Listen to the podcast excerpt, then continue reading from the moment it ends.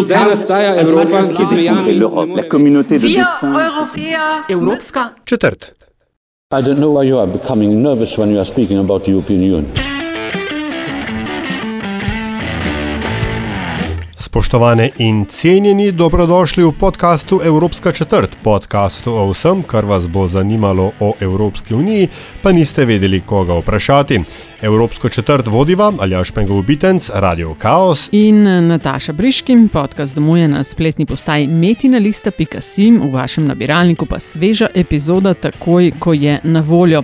To je 21. v letošnji sezoni, skupno pa že 41. Čeprav gre šolsko leto k koncu, ali pa prav zato se bomo v tokratni epizodi ukvarjali z Evropsko šolo oziroma evropskimi šolami. Te obstajajo v številnih državah članicah Evropske unije, v nekaterih jih je celo več. Evropska šola Ljubljana je svoja vrata odprla ob začetku šolskega leta 2018-2019 in je edina v Sloveniji, ki izvaja mednarodni program evropskih šol. Najna gostja je bila njena ravnateljica Darinka Cankar. Moje ime je Darinka Cankar in sem ravnateljica Evropske šole Ljubljana. Zdaj, omenili ste Evropska šola Ljubljana. A to je, obstaja tudi Evropska šola Maribor, pa Evropska šola vem, Kran, pa Celje, ali je to pomeni zares vse slovenska Evropska šola? Ja, v tem trenutku smo edina Evropska šola, verjamem, da bomo tudi nekaj časa še ostali Evropska šola, kajti naš namen. eh, Oziroma, namen ustanovitve naše šole je predvsem zagotavljanje izobraževanja otrok, staršev, ki so zaposleni v inštitucijah Evropske unije, kar pomeni, da v Ljubljani imamo agencijo ACER, ki je uh, Evropska agencija in ustanovljeni smo pravzaprav za namen izobraževanja otrok ljudi, ki so zaposleni v tej agenciji. Aha, ACER je bil podlaga za to, da ste se ustanovili. Uhum, ja. uh, zdaj, mogoče sam uh, nekaj kratkih besed o tem, čemu smo sploh namenjeni, kaj je ta sistem evropskih šol sploh pravzaprav pomen.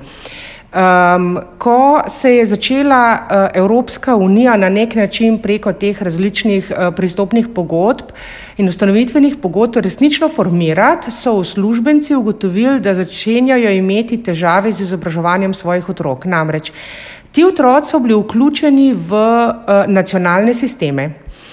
Človek je bil recimo štiri leta zaposlen v Bruslu, otrok je bil vključen v francoski nacionalni sistem, njegov učni jezik je bil francoščina, krasno je uspeval, imel je prijatelje.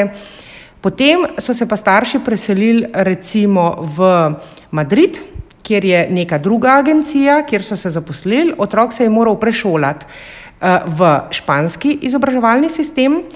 Zgubil je učni jezik, ki ni bil več francoščina, ampak je postal španščina, zamenjal je prijatelje, zamenjal je uh, uh, sredino, v kateri je živel. Za krono vsega je pa še španski sistem ugotavljal, kaj se je ta otrok v Bruslu naučil pri matematiki, pri jeziku, pri spoznavanju okolja in tako naprej. Če so se starši še tretjič v uh, šolanju njegovem preselili, recimo tokrat pa v Nemčijo, je zamenjal spet sredino, jezik, učni načrt, katastrofa. Ne? In te šole naj bi nekako bile poenotene Tako. znotraj celotne Evropske unije. Tako. Uh, Vse evropske šole v Evropski skupnosti izvajamo identični program. Obstajata dve vrsti evropskih šol, so tiste, ki jih neposredno ustanavlja Evropska komisija. Te so bolj ali manj v Bruslu, v Luksemburgu uh, in izvajajo um, program, ki se popolnoma nič ne razlikuje. Pojavlja se je pa potreba po ustanavljanju akreditiranih evropskih šol, mi smo namreč akreditirana evropska šola, ki pa spada v nacionalno zakonodajo, izvaja identičen program kot te tipa 1 v Bruslu, recimo, eh, s tem, da si lahko država dovoli manjše prilagoditve programa. In naše prilagoditve programa, torej slovenske, so, da se otroci v angliški jezikovni sekciji obvezno učijo slovenščino. Uh, in da uh, ne izvajamo religije in izvajamo samo etiko kot predmet, kot učni predmet. Mogoče bi morala nekaj pojasniti o jezikovnih sekcijah, če sem že o tem uh, začela. uh, ja. Uh, v Sloveniji izvajamo pouk v dveh jezikovnih sekcijah, v angleški in v slovenski jezikovni sekciji. Zdaj, zakaj je to pomembno za evropske šole? Uh, ogromen poudarek, recimo temu največji poudarek v evropskih šolah je um, skrb za materinščino. Kar pomeni, da uh, mora otrok imeti pravico do izobraževanja v materinščini. Torej, pri nas se otroci in njihovi starši ne morejo sami izbirati jezikovne sekcije, v katero bi radi vključili svojega otroka. Če je uh, materinščina oziroma dominantni jezik otroka slovenščina, potem ga je mogoče vključiti izključno in samo v slovensko jezikovno sekcijo. Um, obstajajo sicer seveda izjeme, ko ga je možno vključiti tudi v angliško, v primeru, da se je že šolal v tujini v angliškem jeziku, da prihaja iz angliško govoreče šole, oziroma da starši izkažejo, da se bodo v bližnji prihodnosti izselili v tujino, kjer bo otrok pač komuniciral v drugem jeziku, ki ni slovenščina. Uh, v uh, Bruslu recimo je, če se zelo ne motim, 23 jezikovnih sekcij, uh, kar pomeni, da se večina pouka odvija v materinščini otroka, razen pač teh tujih jezikov. Tujih jezikov lahko v Evropski šoli otrok do mature zna uh, do pet. Uh, tak je poudarek na jezikih. Uh, v glavnem pa je skrb za materinščino, recimo tudi v Bruslu, za slovenske otroke poskrbljena tako, da se učijo vsaj pet period slovenščine na teden z slovenskimi učiteljicami. Uh, ker jih je pač zaenkrat še premalo, da bi imeli svojo jezikovno sekcijo. Če pa bi bilo teh otrok več, potem bi v Bruslu uh, dobili svojo jezikovno sekcijo, kar pomeni, da bi se matematiko, slovenščino, uh, fiziko, kemijo učili v slovenščini. Mhm. Prej ste omenili, da je vaša šola akreditirana. Lahko za tiste, ki ne vedo, kaj to pomeni, poveste, kaj to je? Uh, ja, to pomeni, uh, da je šla skozi um, zelo natančno predpisano proceduro in sicer najprej je država izrazila interes za to, da bi imela um, Evropsko šolo. Uh, ta, ta um, namera. Ampak samo za sekundico, da ja. vas uh, prekinem. Se pravi, država je izrazila interes, interes je pa izrazila zato, ker je tukaj sedež Evropske agencije. To je, bil, to, to je edini razlog. To je bil del sporazuma z Evropsko komisijo, da ob razmestitvi uh, sedeža agencije v Ljubljano. Je, uh, se je Slovenija zavezala, da bo za te uslužbence ustanovila Evropsko šolo. Uh, torej, izrazili smo interes, uh, ko je bil ta interes priznan uh, strani um, medvladne inštitucije Evropske šole in v njenem, um, ki nastopa v imenu sveta guvernerjev, v katerem imamo tudi slovenci članico svojo. Uh, smo pripravili tako imenovan dossier of conformity, država ga je seveda pripravila Ministrstvo za šolstvo, Um, in v tem dosjeju smo pojasnili, na kakšen način si predstavljamo izvajati program Evropske šole. Ko je bil ta dosje sprejet, smo začeli z delom. Torej, 1. septembra so tukaj pri nas vstopili prvi otroci. Govorimo o 1. septembru 2018. 2018, tako je. Uh, opisanih uh, imamo v tem trenutku deset otrok, to je še vedno šolsko leto, ki traja. Uh, šest jih je v angliški jezikovni sekciji, štiri so v, v slovenski jezikovni sekciji in um, že takoj 4. septembra, če se ne motim, sta prišla k nam dva inšpektorja evropskih šol, ki sta bila tukaj pred nas en teden in sta opazovala pouk, pregledala sta, ali smo vse papirje uh, speljali tako, kot bi jih morali, upis, razmestitev v jezikovne sekcije in tako naprej in sta o tem napisala poročilo. Poročilo je bilo potem obravnavano na različnih odborih v uh, tem sistemu evropskih šol in aprila je svet guvernerjev sprejel sklep, da aprila 2019 je svet guvernerjev sprejel sklep, da izpolnjamo pogoje za to, da postanemo akreditirana evropska šola. Um, akreditacijo je potrebno obnavljati vsaka tri leta. Trenutno smo akreditirani za predšolsko vzgojo, za Eh, primarno stopno in za sekundarno stopno do, pet, do šestega razreda, vključno s petim razredom. In uh, zanimivo, 27. junija v Ljubljano prihaja generalni sekretar Evropskih šol, Giancarlo Markeđano, uh, slovesno podpisati z ministrom uh, akreditacijski sporazum. Uh, deset otrok ste omenili, ne? to predvidevam, da so zelo različnih starosti ne? in ni potem eden učitelj si skušam predstavljati, kako potekajo učenja ena na ena skoraj. Ja, uh, prvi razpis smo imeli po rokovniku, ki nam ga je ravno tako določilo ministrstvo, ki je seveda naš ustanovitelj, uh, upis v prvi in drugi razred. Torej imamo deset otrok, ki so v prvem in drugem razredu, ker jih je tako mehna številka, smo se odločili za uh, skupno izvajanje prvega, drugega razreda v angliški sekciji in prvo, drugi razred v slovenski sekciji.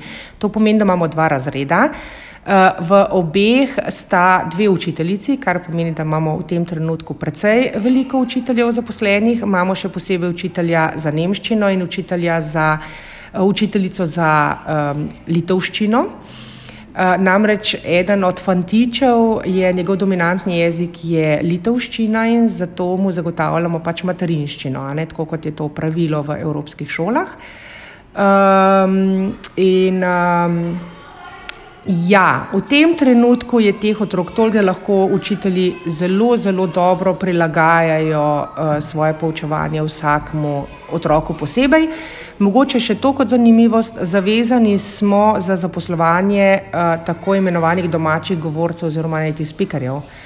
Kar pomeni, da v angliški sekciji učita učiteljici, ki sta domači govorki angliškega jezika, um, in nemščino poučuje gospod, ki je native speaker za nemščino in litovščino, gospa, ki je native speaker za litovščino. Seveda tudi v slovenski sekciji poučujete učiteljci, ki sta native speaker slovenščine.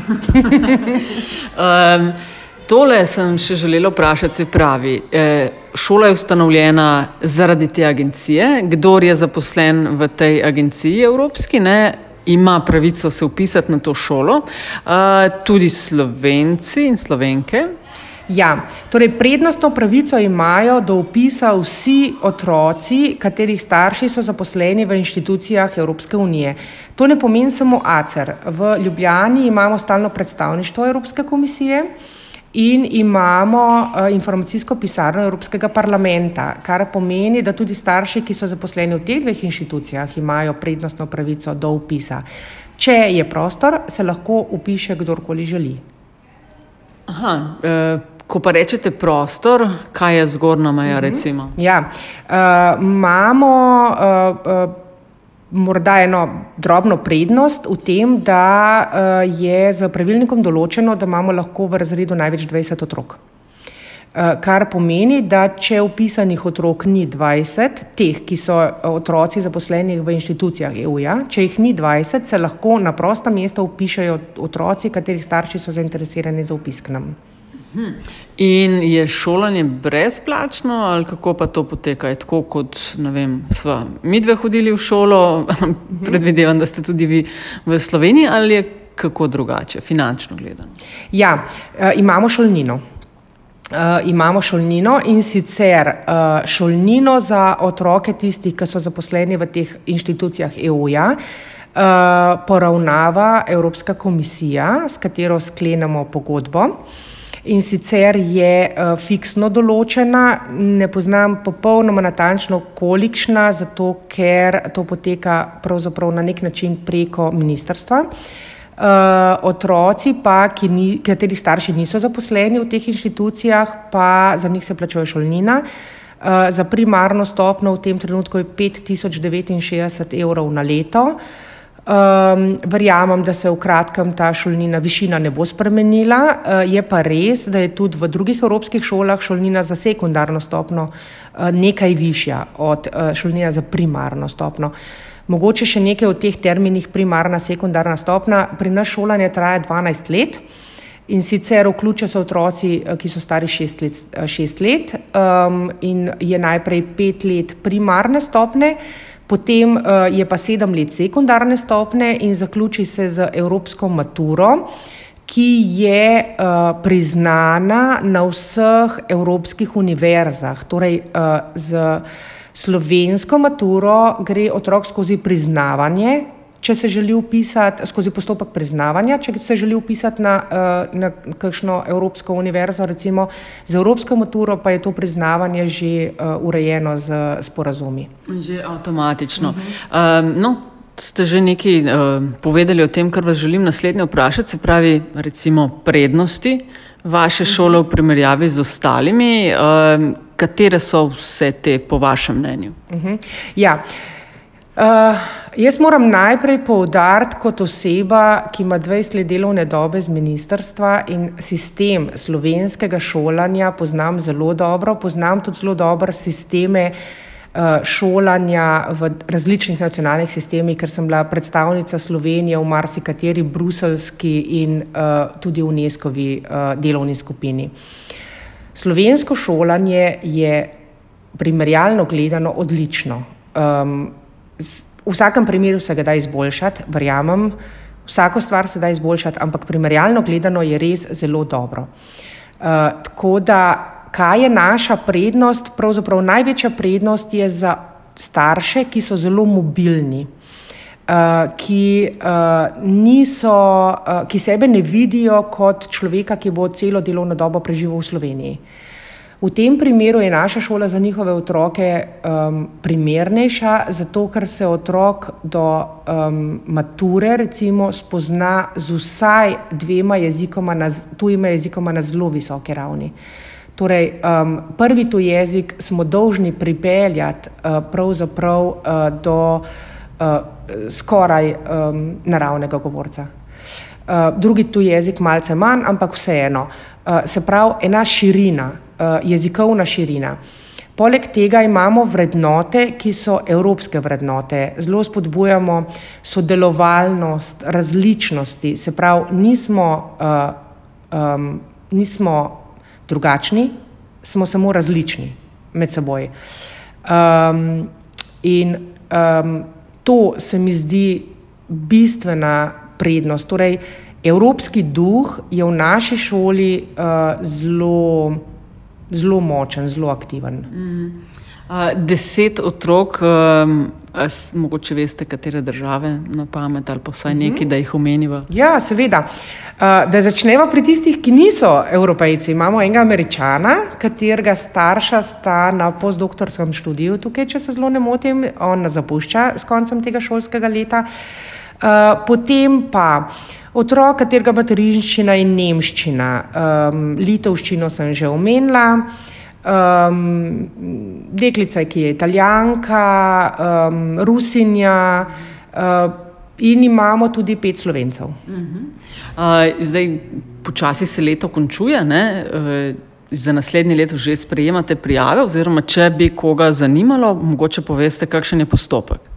Ja, eh, postopek je sledeč. Mi smo februarja objavili razpis eh, eh, za upis, tako kot vse slovenske osnovne šole, glede na to, da smo javno šolstvo, del javnega šolstva. In na naši spletni strani se najde tudi upisni list oziroma prijavnica. Kdorkoli želi, to prijavnico lahko spolni, v tem trenutku še imamo prosta mesta. Eh, naslednje šolsko leto izvajamo celotno primarno stopno od prvega do petega razreda. Uh, in um, uh, v vseh razredih so še prosta mesta, trenutno pa imamo upisanih um, med 40 in 50 otrok. Od 10 že na 40 in 50. Yep. Odlično, smo strašno zadovoljni, da se nam to dogaja. Najlepša hvala za pogovor in vse te informacije. Hvala tudi vam za to, da vas je zanimal ta pogovor. To je bila Darinka Cankar, ravnateljica Evropske šole Ljubljana. Zdaj pa k novicam.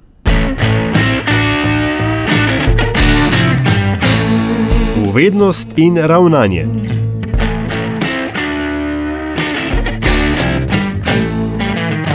Evropska komisija je objavila poročilo, ki govori o inovacijski uspešnosti EU. Ta se, kot pišejo, že štiri leta zapored izboljšuje in na področju inovacij je Evropa prvič v zgodovini uspešnejša od ZDA. Države EU se na podlagi svojih rezultatov uvrščajo v štiri skupine uspešnosti: vodilne, močne, zmerne in skromne inovatorke. V letu 2019 je vodilna inovatorka Švedska, sledijo ji Finska, Danska in Nizozemska, Slovenija. Zares med slabšimi, pri nas in v Romuniji se je inovativnost najbolj zmanjšala, smo v tretjem od štirih razredov in med zmernimi inovatorkami.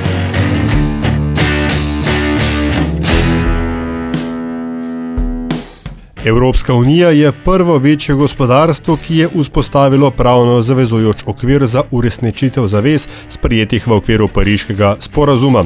Ker pa po dosedanjih načrtih držav članic ne bi dosegli niti ciljev na področju energije iz obnovljivih virov, niti potrebnih prispevkov k energijski učinkovitosti, jih je Evropska komisija pozvala naj do konca leta zvišajo svoje ambicije. Le tako bo namreč mogoče izpolniti cilje energetske unije in cilje EU za leto 2030.